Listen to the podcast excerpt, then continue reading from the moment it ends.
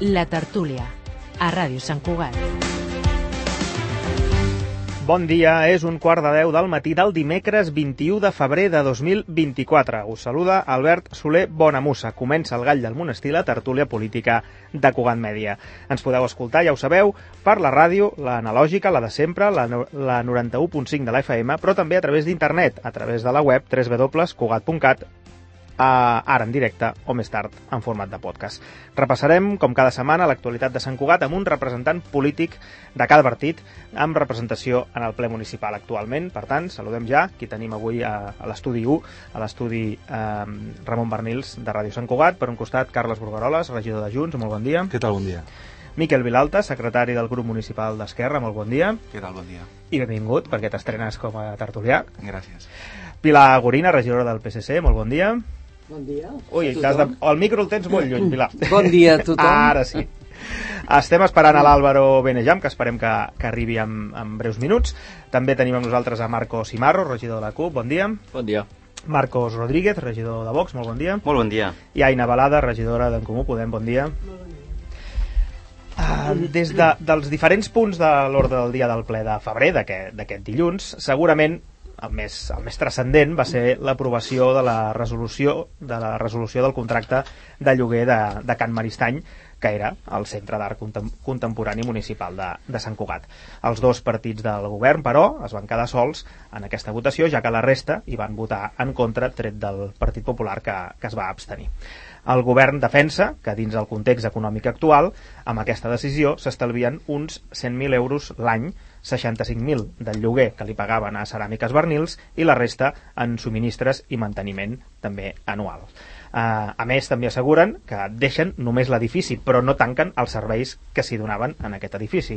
Per tant, de moment el que ja se'ns ha comunicat és que la Casa IMAT acollirà els cursos i tallers, el projecte Windown marxa al taller Triangle i l'activitat expositiva, aquesta sí encara està per determinar, tot i que una de les opcions que hi ha sobre la taula és que se'n vagi a Can Quitèria.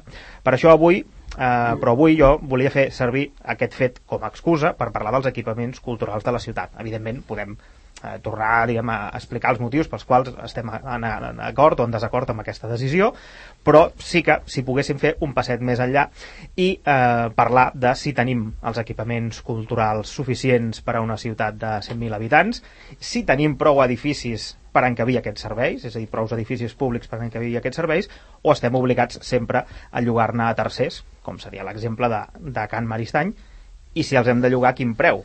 I 100.000 euros són molts, són, no, pocs segur que no, però són molts, són suficients, bueno, eh, perquè és, aquest, això diguem, va sortir en el debat de dilluns sobre el cost de Can Maristany. Per tant, jo poso tots aquests elements sobre la taula i, i comenteu els, els que vulgueu. Doncs comencem, com sempre, per tocar-les. Endavant. Bon dia. Um, el primer que vull dir és que la, la cultura és, uh, a veure, és essencial, no és que sigui important, és que és essencial diguem en aquest municipi i en el conjunt de la societat i que aquest govern, jo crec que tots els governs que han passat per aquest Ajuntament han, eh, vull dir, ho han tingut molt clar, no? I és per aquesta raó que Sant Cugat és una potència en molts àmbits, però també en l'àmbit cultural. I això s'expressa també amb la quantitat i la qualitat dels equipaments que acullen el dinamisme civil i la promoció pública també de, en fi, de, en l'àmbit cultural en, aquesta, en aquest municipi no? I això és així eh, jo crec que ha estat així sempre i, i per tant que des de fa molts anys aquest Ajuntament ha fet apostes que fins i tot en el seu moment despertaven doncs una certa incomprensió no? com per exemple la, quan es va promocionar el Teatre Auditori no? que algú deia, això és, eh, és una obra Faraònica. sí, faraònica, no? de megalòman o es deia en aquell moment, no? i ja es veu doncs, que transcorreguts eh, tots aquests anys això ha sigut un èxit i és una de les infraestructures que determina el posicionament del nostre municipi. No? En el cas de, de, de la Casa Maristany, eh, jo el que vull recordar és que quan es, va, quan es va fer aquest equipament, quan es va llogar, ja, ja tothom tenia clar que era un equipament provisional, eh? perquè era un lloguer. No? I que havien de passar bastantes coses, diguem-ne, perquè l'equipament en l'àmbit de l'art contemporani que mereix Sant Cugat doncs, que fos un equipament amb tots els ets i uts, entre altres coses que fos de propietat i que no fos de lloguer no? ha sigut una, un equipament doncs, que ha prestat un molt bon servei, està molt ben ubicat té grandària i que, i que presta doncs, molt servei i tornem a repetir, torno a repetir que aquest servei no està en qüestió, no està en risc eh? sinó que el que es fa és redistribuir-lo i que de fet la idea que plana fa molt de temps no? és de que quan tinguem la nova biblioteca central urbana aprofitar l'actual eh, biblioteca Gabriel Ferreter, la del Milenari eh, doncs segurament per això, no? per fer l'equipament que la ciutat mereix en l'àmbit de l'art contemporani. Com que la biblioteca s'endarrereix, les, les circumstàncies actuals són les que són, doncs s'adopta aquesta decisió. I recordo també que és veritat que no tenim ara mateix definit del tot eh? tot, eh, tot el projecte de redistribució dels serveis però és que havíem d'adoptar aquesta decisió anticipadament perquè el contracte estipula sis mesos eh, abans de que aquesta sigui formalitzada, no? Per tant, tenim temps a sobre per plantejar-ho, per compartir-ho si escau i per tirar endavant, eh? I això és el que, el que plantegem, no? I acabo. Eh, deies, ens hem quedat sols al, al ple, no? Bueno, no sé, jo el que plantejaria a la resta de grups és, mm, és que la situació és la que és, eh? I, i que hem de ser conscients de quina és la situació i per tant que cal adoptar mesures, mesures que potser un voldria no haver d'adoptar, però que, que cal eh, adoptar mesures. El que no admeto és, um, allò, amb la cultura no retalla, no? No, és que no, és veritat, no retalla en cultura, o, no, o voldríem no haver de, de, de reduir el pressupost en lloc, eh? però la, les circumstàncies són les que són i per tant hem d'optimitzar, i és el que estem fent. Molt bé, Carles, moltes gràcies. Uh, saludem a l'Àlvaro Benejam, que acaba d'arribar, molt bon, bon dia. dia per part del PP. Ara li toca el, el torn al Miquel de, per part d'Esquerra. Endavant. Sí, bon dia. Eh, bé, intentant complementar una mica el que ha dit el, el Carles, jo intento parlar una mica de la part general i després anar, anar concretant. Jo crec que Sant Cugat és una evidència que té un dèficit eh, històric, estructural, en termes d'equipaments, de, no només culturals, també podríem parlar d'esportius, de fet, en aquest mandat ja hem parlat en alguna ocasió eh, d'aquest tema. Recordo, crec que hi ha hagut eh, mocions de PP o comuns que parlaven d'alguna manera o d'una altra d'aquesta qüestió. Albert, tu apuntaves al tema de la ciutat dels 100.000 habitants. Jo crec que hi ha un factor que és evident que, que cal tenir en compte i és el creixement exponencial que ha tingut a Sant Cugat en aquest eh, segle XXI, però també a finals del segle XX. Alguns mitjans eh, en els últims dies eh, parlaven de crec que hem crescut 45.000 habitants en, en aquest segle, en aquests 23-22 eh, anys.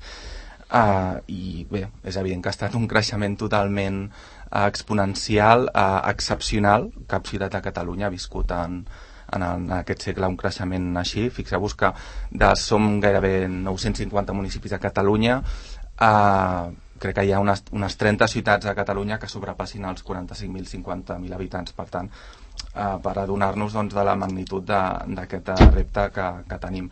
És evident que la ciutat i la seva administració no ho té gens fàcil per absorbir o gestionar la demanda que es deriva d'aquest auge, auge poblacional i això estem parlant avui d'equipaments de, culturals entenc però també es pot reduir a, a un tema d'equipaments esportius no? amb doncs, el fet doncs, que eh, haguem de, de llogar o trobar espais en àmbits privats doncs, per donar a, a espais, a clubs o a associacions esportives d'aquí de, de la ciutat. En els term, en l'àmbit de cultura també ho veiem, ahir sentia la, la tertúlia també ciutadana, que crec que el Biel Samsó perdó, el Toni, el Toni Samsó parlava, de, per exemple, de la Casa de Cultura, doncs, que està realment doncs, molt uh, sobresaturada d'activitats. Això, per una banda, és bo doncs, perquè demostra que hi ha un teixit associatiu a Sant Cugat molt viu, però també doncs, evidencia doncs, que, que calen que calen espais. El Carles apuntava el, el repte que tenim amb la Biblioteca Central, una biblioteca, un equipament doncs, que també s'ha quedat petit i doncs eh, aquest govern, el, el nou govern, tot i que potser ja no és tant de nou, està doncs entomant el, el nou repte doncs, d'aquest nou equipament a la zona del, del parc de Ramon eh, Bernils. Uh, és veritat que, doncs, que quan el tinguem doncs, hi haurà una, s'alliberarà un espai doncs, que podrà donar cabuda a aquest, al projecte del Maristany o, o a d'altres fins i tot i a mi m'agradaria posar també en valor tal com diu l'Observatori Sociològic precisament el servei de biblioteques és un dels més valorats a cada, a cada onada quan es pregunta. I això també s'ha de tenir en compte de cara al mentrestant. Mentrestant, no, mentrestant que no tinguem aquesta biblioteca eh, s'ha de continuar apostant doncs, per, a, eh, per la que tenim, per les de barri i també doncs, eh, per l'ampliació d'horaris en, el, en els eh, màxims que siguin possible. Per tant, el tema dels equipaments jo diria que és un, és un repte de ciutat, com molts altres que, que tenim i que, i que n'hem parlat. a mig i llarg termini que requereix eh, consens eh, polític i també de la ciutadania i això també recau en un, en un pla d'equipaments que cal actualitzar i que cal doncs, pensar a llarg termini perquè la cultura al cap i a la fi també necessita una visió global i estratègica. Molt bé, gràcies. Miquel Pilagorina, per part del PSC. Bé, eh, de nou bon dia. Bé, eh, per nosaltres seria hora que Sant Cugat sigui una ciutat coneguda per la cultura, per l'esport, per l'educació i no pas per ser la més, de les més cares o per expulsar els joves. Eh, hem perdut oportunitats per no tenir suficients equipaments al Museu de les Matemàtiques, una web i mitja, és a dir, que hem perdut oportunitats que podíem, podien haver estat a Sant Cugat i donar aquest nom. Els equipaments són insuficients, estic d'acord amb el que ha dit el Miquel, no estan ben definits quan el seu ús, molts d'ells és un eh, aigua barreig de diferents coses, Sant Cugat és una ciutat amb molt teixit associatiu i pels preus que hi ha dels locals és molt difícil que una entitat pugui tenir un local propi. Ho han provat diverses i, i, i no se n'han sortit bé. Eh? Hi ha moltes entitats sense ànim de lucre que també eh, caldria donar el suport. Ara bé, dit això, dit que tenim aquestes mancances, si fem la proporció en pobles del costat, és que ens quedem a la dècima part del que tenen. Eh? Hem de pujar el llistó de l'activitat cultural de la ciutat, una ciutat com la nostra, de 100.000 habitants pràcticament, la catrotzena eh, ciutat de Catalunya, ha de tenir ambició cultural en quantitat i en qualitat. Volem ser una ciutat puntera i activa, capaç de gaudir de la cultura i de produir-ne. O bé ens conformem en tenir un model de ciutat bonic, però sense vida cultural n'hi ha molta i sovint cal fer-la aflorar. Eh, el nostre rebuig al tancament mentrestant. Vostès van ser qui van llogar aquest espai, com ha dit el senyor Brugueroles, i eh, entenem que el dia que hi hagi una alternativa coherent a un espai que és d'èxit total, que és el Centre d'Art Contemporani Maristany, aleshores parlem-ne. Però mentrestant no podem tenir eh, més aigua barreig i, eh, i repartit els aspectes per tota la ciutat. És Canaimat, ai, Canaimat Maristany i Can Quitèria formen un, un tot. Jo hi afegiria Triangle a l'Escola d'Art i és un centre de referència al país com a centre d'art contemporani és pioner a l'hora de posar la cultura a l'abast de tothom, tant per la qualitat com pels preus assequibles. Si passen per allà veuran que sempre hi ha gent i hi ha llistes d'esperes. Hi ha gran demanda de cursos i activitats, hi van molts escolars, hi ha una gran col·laboració amb la Creu Roja, hi ha el grup de joves discapacitats que han dit que anirien a Triangle, però és que Triangle el vam augmentar perquè estiguessin correctament al grup Window eh, hi ha exposicions, etc. I en quant al que ha dit el Teatre Auditori, mm, eh, la gent el que demanava en aquell moment, que ho recordo bé, és que no només hi hagués una gran sala, sinó que hi haguessin, i estava previst en algun moment, sales mitjanes, perquè aquí tenim teatre amateur, etc. De la Unió ja veiem com va, i eh, i des de fa molts anys que no hi tenim una bona sala. Tenim el, la del Mirasol Teatre, però és insuficient per una ciutat com Sant Cugat. Gràcies. Molt bé. Gràcies, Pilar. Álvaro, a part del PP. Bé, toca parlar després de la Pilar i, i la Pilar recordava ara mateix la, la, que Sant Cugat està no, que, que no sigui coneguda o ja voldria que no sigui coneguda per la per els preus de lloguers o, del, o dels immobles sinó per la cultura, per exemple, no? que estaria molt bé, eh? però és que jo crec que mm, aquí tots els governs que hi ha hagut a Sant Cugat s'han aprofitat dels preus cars, perquè quan més cars són els preus, més, més ingressos té l'Ajuntament, no? I, I vostès, més que ningú, eh, amb aquest tripartit que conformaven, han comptat amb aquests ingressos, no? I aquests ingressos també serveixen per fer cultura, eh? entre altres coses. Però bueno, és que és, és que és una qüestió, de veritat, Ara, això sí, vostès han aconseguit posar Sant Cugat en el rànquing eh, durant aquest mandat passat eh, de les ciutats on més es triga eh, a durar una llicència d'obres. eh? Per això sí que ha sigut coneguda Sant Cugat en aquest últim mandat, no, no en el que estem ara, en l'anterior. Llavors, clar, si parlem de rècords ja doncs hem de, hem de posar-lo sobre la taula. Eh, jo diria que la, la gent eh, que és usuària del centre del Maristany, eh, tornant al tema, eh, doncs té, té, entenc eh, perfectament que, que estigui neguitosa per si les coses funcionaran o no funcionaran tal i com estaven funcionant al propi, al propi centre, no? que es fan moltes coses. I és veritat eh, que, que, que és, és normal que, aquestes, que aquesta sensació doncs, eh, entri dintre del cos al moment que l'Ajuntament diu que farà un canvi de lloc. Sobretot perquè s'ha dit que el canvi de lloc no està tan bé Mm, no està definit, no? sinó que de moment una cosa serà allà, una altra allà, i no està definit. Llavors la indefinició és el que la gent eh, la fa neguitejar, no? I, i, i això ho entenc perfectament. Jo crec que de moment tenim de veure quin serà, com queden sis mesos per, per l'acabament del contracte, i per això s'ha fet la, la comunicació de la no pròrroga, no? la voluntat de no pròrroga de l'Ajuntament, eh, durant aquests sis mesos s'ha de preveure, si pot ser dintre del mes, de, del mes que ve, no dels altres eh, cinc, eh, quin, és, eh, quin és el repartiment o quin és el lloc on anirà tot, no? o quin és el repartiment dels llocs on aniran. Eh, I tot això que es faci mm, sense malmetre l'activitat del propi centre, no? l'activitat de les persones que són eh, usuàries del, del propi centre. Això és el que ens agradaria. Eh? I la cultura sempre és benvinguda. Eh? Jo soc dels que pensa eh, que no perquè l'Ajuntament tingui llogat el, el, el local del centre del Maristany deixarà d'haver cultura. Evidentment que no. O sigui, a mi ningú em començarà de que Sant Cugat deixarà d'haver cultura perquè Sant Cugat hi ha molta cultura, la posi l'Ajuntament o no la posi l'Ajuntament. Que l'Ajuntament l'ha d'afavorir? Sí, l'ha d'afavorir.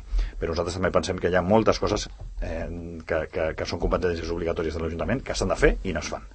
Eh, i amb això no dic que no s'hagi de posar diners en cultura eh, però sí que dic que les competències pròpies d'un Ajuntament s'han de complir sí o sí, perquè ho diu la llei. Eh, I les altres competències s'han de fomentar en la mesura del possible. Molt bé, moltes gràcies Álvaro. Marco, a part de la CUP. Bon dia. Bé, jo començaré per la qüestió del, del centre de eh, Maristany. Nosaltres eh, vam votar en contra el dilluns, eh, principalment perquè no, no compartíem la, la idea aquesta de, de frenar en sec a, a aquest projecte eh, també perquè creiem que és un, és un espai a través del qual es complien més funcions que no les estrictament culturals, sinó també, evidentment, les comunitàries i socials, llavors això entenem que, que és, és important doncs, doncs, previndre que no, que no, que no quedi en, en res i de fet ho vam veure amb la, amb la manifestació que es va fer a les portes del ple amb un, amb un grup de gent eh, prou nombrós i de persones que venien de, de diferents entorns de la cultura no? També podríem dir que vam votar en contra eh, perquè, no sé, no, no vam veure que es pensés en renegociar el lloguer. És a dir, nosaltres entenem que hi ha lloguers que a vegades són molt cars per l'Ajuntament. També ho hem patit per la manca d'equipaments, et veus abocat a, a haver de llogar espais per serveis que són, que són, a, són essencials. No?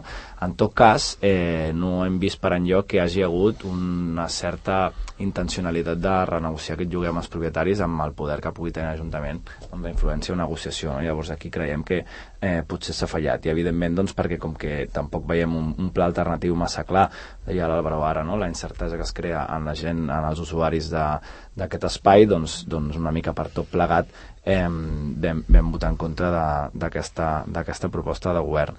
I, i sobre la situació actual, el tema dels diners, la, la responsabilitat amb la que s'ha d'actuar en, en relació a aquestes qüestions és una cosa que evidentment ha sigut molt des del govern i des de la tinença d'alcaldia d'Economia però també voldré insistir en la idea de que el govern ja és responsable dels, dels seus propis actes i, i evidentment no vull negar situacions eh, conjunturals, herències o, o, o el que sigui, perquè en aquest sentit penso que cal ser raonables i responsables, però evidentment les mesures que tu vas prenent a, a quasi a poc de fer un any que estàs governant també et responsabilitzen eh, doncs de, de, de com van les coses, no? I això ho hem de debatre en les ordenances fiscals, en la capacitat de recaptació d'aquest Ajuntament, és a dir, eh, el govern doncs, deia no volem repercutir en la ciutadania eh, la, eh, la, la situació de, de complexitat econòmica, però sí que s'està eh, sí que s'està repercutint perquè al final estem tancant serveis que donen serveis essencials a, a la població en termes de cultura, en termes d'art i en termes eh, socials. També podíem parlar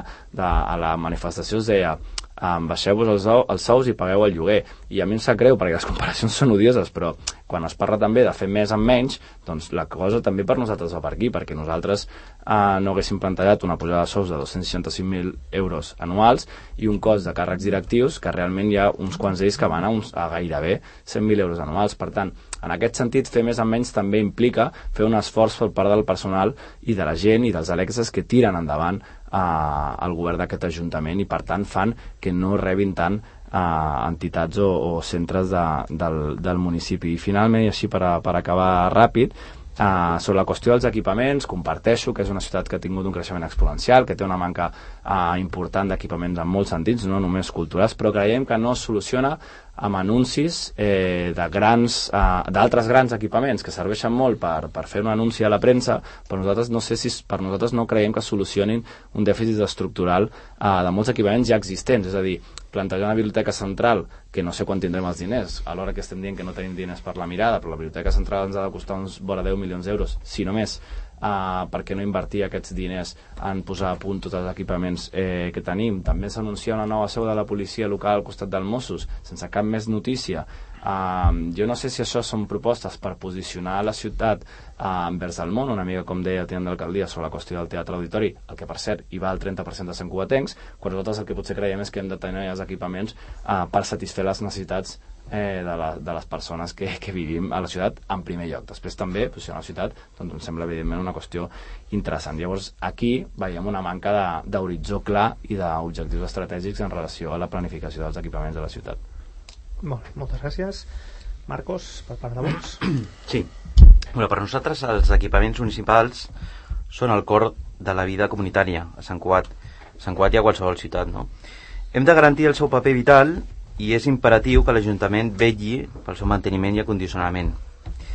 També per la seva promoció, ja que és un patrimoni important per tots els veïns de Sant Cugat. Eh, aquestes instal·lacions no només serveixen com a espais de reunió i activitat, sinó que contribueixen a la cohesió social i al benestar de tots els ciutadans. Per això és important el manteniment adequat, però també l'eficiència, i aquest és un tema que jo crec que és important. Eh, un exemple, l'altre dia vam estar a Consell de Barri de la Floresta. Eh, doncs un comentari, no es podia estar de la calor que feia. Eh, inclús era un comentari eh, que diverses persones que estàvem allà ho vam dir. No? Llavors, home, eficiència. No?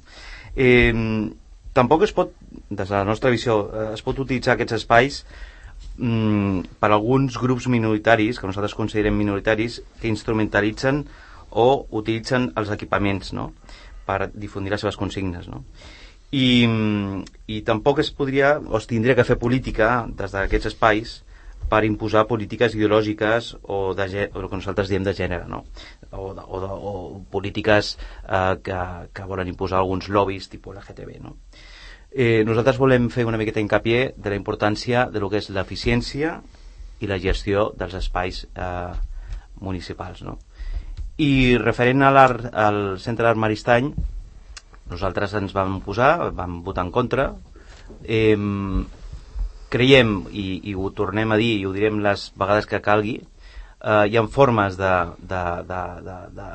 d'intentar superar una miqueta el, una miqueta no, el, el, el forat econòmic que tenim i, i nosaltres mm, creiem que el sentit comú ens indica que és retallant les partides que no són necessàries i que no eh, contribueixen i no, um, no es beneficien els, els veïns de Sant Cuat directament, ja ho hem dit moltíssimes vegades, no? Eh, jo entenc, eh, senyor Burgaroles, que el, el contracte de lloguer s'ha intentat renegociar a la baixa amb la propietat. Jo crec que entenc que, que això imagino que ha sigut una, una pràctica que s'ha efectuat, no? I, I per una altra banda, vull recordar Torre Negra. O sigui, hi ha espais munici- municipals a Sant Cuat del Vallès de propietat que ens han costat molts calés eh, eh, per la compra de l'anterior tripartit i que encara no tenen ús definit.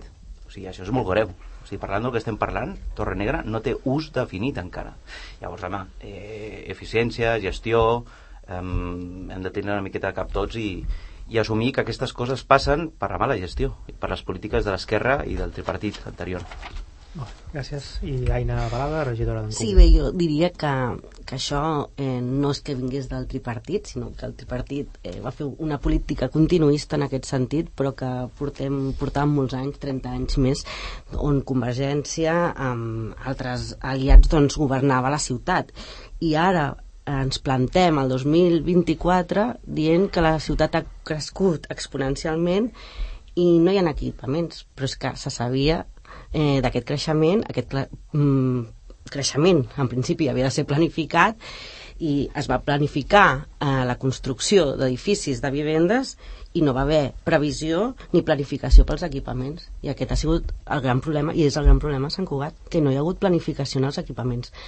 Parlava el company d'Esquerra Republicana sí, hem de fer un pla d'equipaments sí, però podem anar fent plans, plans d'equipaments tenim uns quants plans d'equipaments i que acabin sent paper mullat el que cal és una actuació verdadera, no, no perdre el temps fent plans d'equipaments i després no fer-ne cas. En aquest sentit, nosaltres eh, vam presentar una moció perquè per, mm, per primer lloc hi ha equipaments infrautilitzats i per altre es van comprar eh, com bé ha dit eh, Torre Negra i es compren edificis però sense planejament per què serveixen aquests edificis? o sigui, ens gastem diners públics, però no planegem perquè volem aquests edificis. Tenim Can Montmany, Can Rebella, Can Canyameres, Villa Montserrat, Bajos del plaça d'Octubre, Torre Negra, l'antic Ajuntament, tot d'edificis que estan infravalorats, eh, infrautilitzats i a més que necessiten manteniment perquè se'ns cauen.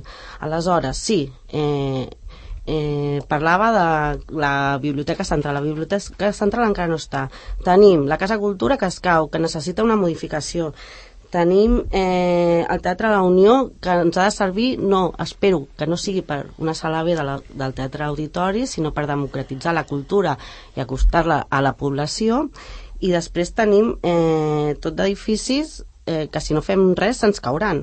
Mm, nosaltres vam presentar moció. Es pensa fer aquest eh, pla d'equipaments? Es, pensa, es pensa pensar per una vegada en Sant Cugat com una ciutat de 100.000 habitants i quins equipaments necessitem i per què els necessitem? Nosaltres eh, vam votar que no a Camaristany tot i no està d'acord en el seu moment en la contractació d'aquest lloguer perquè el trobàvem eh, abusiu totalment.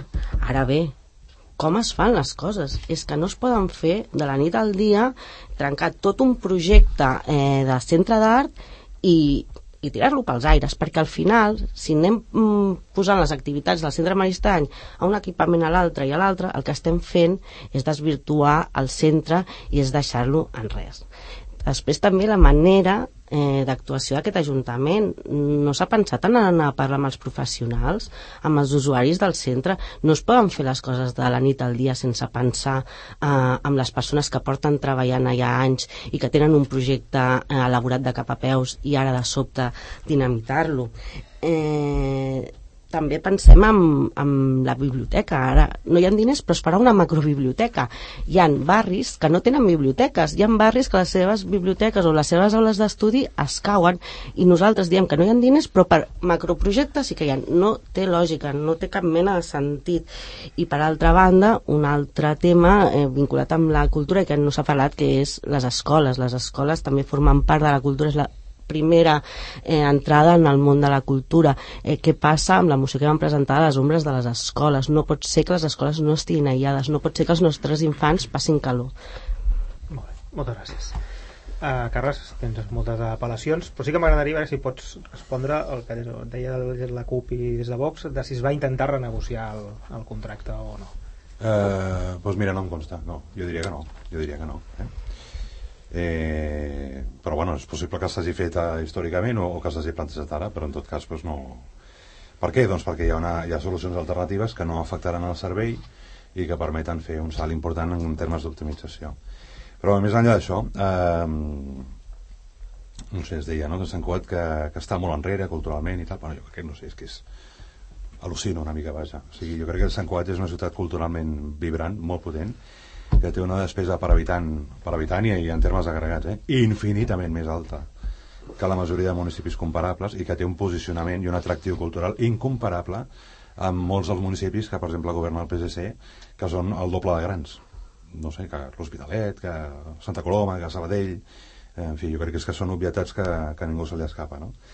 Que no hi ha equipaments, que no hi ha hagut planificació, home, jo crec que en els darrers 10 anys, per dir una cosa, els darrers dos mandats, home, hi ha novetats, no? El Salet Negre, la Unió, Can Quiteria, eh, l'adquisició Torre Negra forma part del mandat passat i és veritat que no té, que, que no té ús encara, no?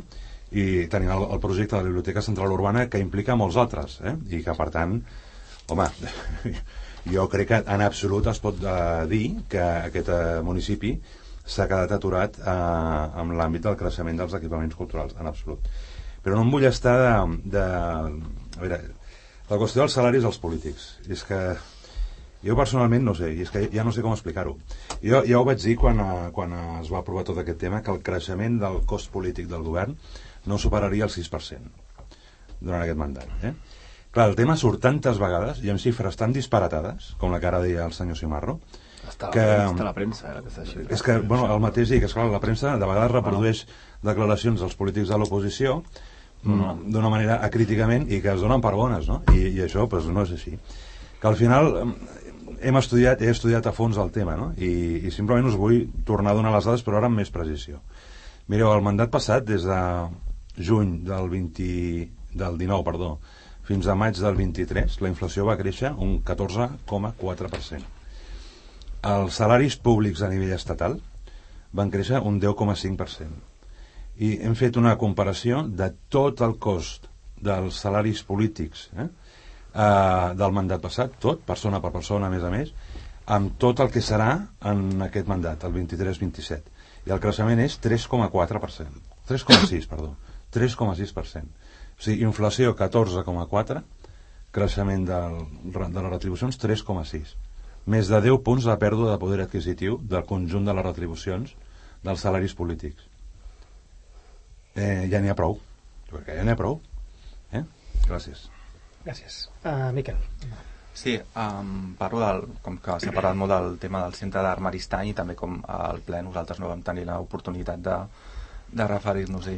És evident que a ningú li agrada renunciar a un espai com, com aquest i encara menys al, al govern de la ciutat, un espai on, on es feia, on es fa cultura, que dona cabuda a artistes, exposicions, tallers, un espai també visitat eh, per escoles i un espai, a més, ho vam veure al ple doncs, molt, molt valorat pel, pel teixit associa associatiu i, i artístic. A més, és un espai que ens ha ajudat a posicionar-nos en els últims anys en l'àmbit del, de l'art contemporani català i si a Sant Cugat formarà part de la Bienal Manifesta, com es va anunciar crec que no fa gaire, també és en bona part per doncs, la tasca que, ha, que ha anat duent a terme aquest uh, centre d'art Maristany en, uh, en, els últim, en els últims anys. No? Jo vull, per tant, posar en valor també la, la tasca que va fer en el seu moment la regidora Esther Madrona durant quatre anys per mantenir aquest centre, aquest centre obert. És veritat que el lloguer és molt car, en el seu moment també el govern anterior ho va veure i també doncs, va dir, ostres, realment això és molt car. Es va, a mi tampoc em consta que s'intentés renegociar el, el lloguer, però si el Carles no ho sap, jo, jo, encara, jo encara menys, però sí que és cert que es va intentar buscar espais, al, espais alternatius. Uh, va ser molt complicat, segons uh, m'han comentat, perquè trobar un espai per ubicar contemporani és certament difícil per unes condicions molt especials que requereix a, aquest tipus d'obres, per la llum, espai, etc. No, no en sóc un expert, però és, és el que doncs, diguem que, que m'han xivat i realment doncs, va, ser, va ser molt complicat, però és un tema que va tenir a la taula el, el govern anterior. La conjuntura econòmica, doncs, com sabeu, ha anat empitjorant i bé, no ha estat, uh, no ha estat possible mantenir-ho, però bé, jo també doncs, poso en valor la, la solució doncs, que està trobant l'equip de la Núria Escamilla, uh, per mantenir doncs, aquesta activitat, encara que sigui de manera reubicada. És veritat doncs, que queda pendent el tema expositiu, però bé, queden sis mesos de marge i doncs, anirem veient doncs, en aquest sentit uh, la, les novetats. En qualsevol cas, és evident que al govern li encantaria doncs, uh, reobrir o reemprendre aquest projecte en un, en un sentit especial concret, amb una ubicació concreta, es digui centre d'art Maristany o d'una altra manera la, la biblioteca, on sigui però eh, torno la línia del que deia al principi quan ho fem, fem-ho també amb aquesta visió pensada estratègicament en clau de cultura global que també necessita la ciutat. Responent per acabar la senyora Balada, jo parlava de pla d'equipaments, però és el que dic ara, diguem-li com vulguem, però és evident que necessitem una visió també a, a mig i llarg termini pel que deia abans també doncs, d'aquest doncs, auge pobla, poblacional doncs, que realment ha estat, eh, està sent difícil de, de gestionar jo crec que per qualsevol moment una, una administració realment doncs, el, a nivell d'equipaments doncs, eh, és molt complicat gestionar en aquests termes doncs, eh, un creixement tan exponencial com el que hem tingut. Molt bé, gràcies Miguel. Pilar? Sí, eh, bé, quan una ciutat arriba a 100.000 habitants cal replantejar moltes coses eh? i cal veure com aquest creixement va acompanyat d'equipaments. De, quan es fa un projecte que jo no vaig compartir del tot, eh, com es diu? Eh, Canamaller no l'altre. Can... No. Ai, caramba. Bueno, igual, allà a la Ferrer, allà a Ferrer. Ah, a Regull Centre. A Regull Centre, sí. per exemple, eh, hi havia tot un pacte d'equipaments, etc etc. Eh? Jo no dic que hi estigui d'acord, però es comptava. Bé, eh, se'ns escapen un munt de coses eh, com a regidor d'Educació m'oferien FPs de diferents coses, se les quedava unes Barberà perquè tenien una infraestructura que no sé què, se les quedaven altres Sabadell perquè no sé quantos, altres d'esports se les quedava Terrassa perquè no sé què. Conec prou bé Sabadell, Terrassa no està governat pel Partit Socialista, eh, Sabadell i Sabadell dona gust veure cada barri les infraestructures que té per crear justament aquesta socialització, etc. Eh? Per tant, eh, aquí, en canvi, tenim un barri, que és una MD, que és Vall d'Oreig, que eh, Junts sempre ha apostat per una gran escola de música, però en canvi per pocs equipaments culturals del barri, com ho va fer la legislatura passada i com ho pretén bloquejar en aquesta. És a dir, que bé, aquí eh, tothom fa política. Gràcies. Gràcies, Pilar. Álvaro? Sí, tothom fa política, efectivament. I el PSC, molta, molta, molta, però molta, molta. Eh, llavors, eh, clar, el tema és, jo, jo faré ara eh, una, una, una petita colleja eh, al, al govern perquè